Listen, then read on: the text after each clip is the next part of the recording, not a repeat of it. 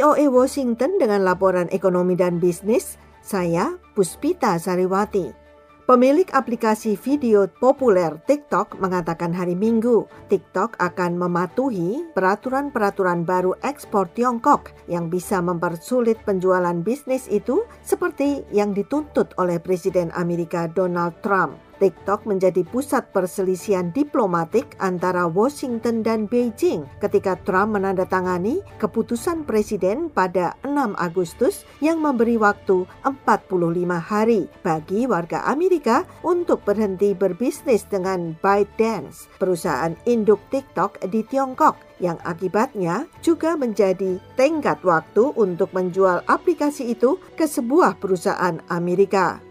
Namun, Kementerian Perdagangan Tiongkok menerbitkan peraturan baru hari Jumat dengan menambahkan butir-butir baru, termasuk teknologi yang dipakai untuk keperluan sipil pada peraturan yang mengendalikan impor dan ekspor dari teknologi yang dibatasi.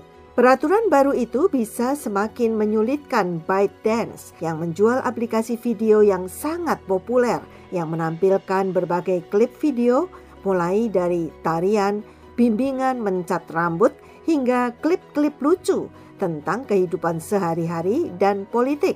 Langkah itu menandai pertama kalinya Tiongkok menyesuaikan daftar teknologinya yang dikenakan larangan atau pembatasan ekspor sejak tahun 2008 dengan menambahkan 23 butir peraturan baru. Seorang profesor yang diwawancarai kantor berita resmi Xinhua hari Sabtu mengatakan perubahan itu bisa berarti Biden harus mendapat persetujuan dari pemerintah Tiongkok kalau hendak menjual teknologinya kepada sebuah perusahaan Amerika. Aplikasi TikTok telah diunduh 175 juta kali di AS dan lebih dari 1 miliar kali di seluruh dunia.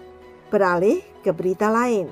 Kebakaran besar di California Utara belum lama ini merugikan para pengusaha anggur di sana. Kabupaten seperti Napa dan Sonoma hanya memproduksi 10% minuman anggur dari negara bagian itu. Namun berpengaruh sangat besar pada posisi California sebagai produsen anggur terkemuka di AS para produsen anggur besar yang menjual hasilnya ke pasar swalayan waralaba dan lainnya disertai penjualan online yang laris berkembang pesat selama penutupan bisnis akibat pandemi. Sedangkan produsen anggur yang menjual anggur kelas atas ke restoran dan yang bergantung pada wisatawan menderita kerugian. Mengingat kerugian besar dari kedatangan para turis sejak bisnis ditutup bulan Maret ketika COVID-19 merebak, dampak kebakaran hutan lebih kecil kalau dibandingkan, kata James Lapsley, seorang peneliti di Pusat Masalah Pertanian Universitas California dan seorang pembuat anggur. Sebagian besar kebun anggur tidak terbakar karena berfungsi sebagai penghalang penyebaran api, kata Lapsley. Ancaman yang lebih besar sekarang adalah kemungkinan kerusakan akibat asap dari kebakaran itu. Puspita Sariwati, VOA, Washington. The Voice of America.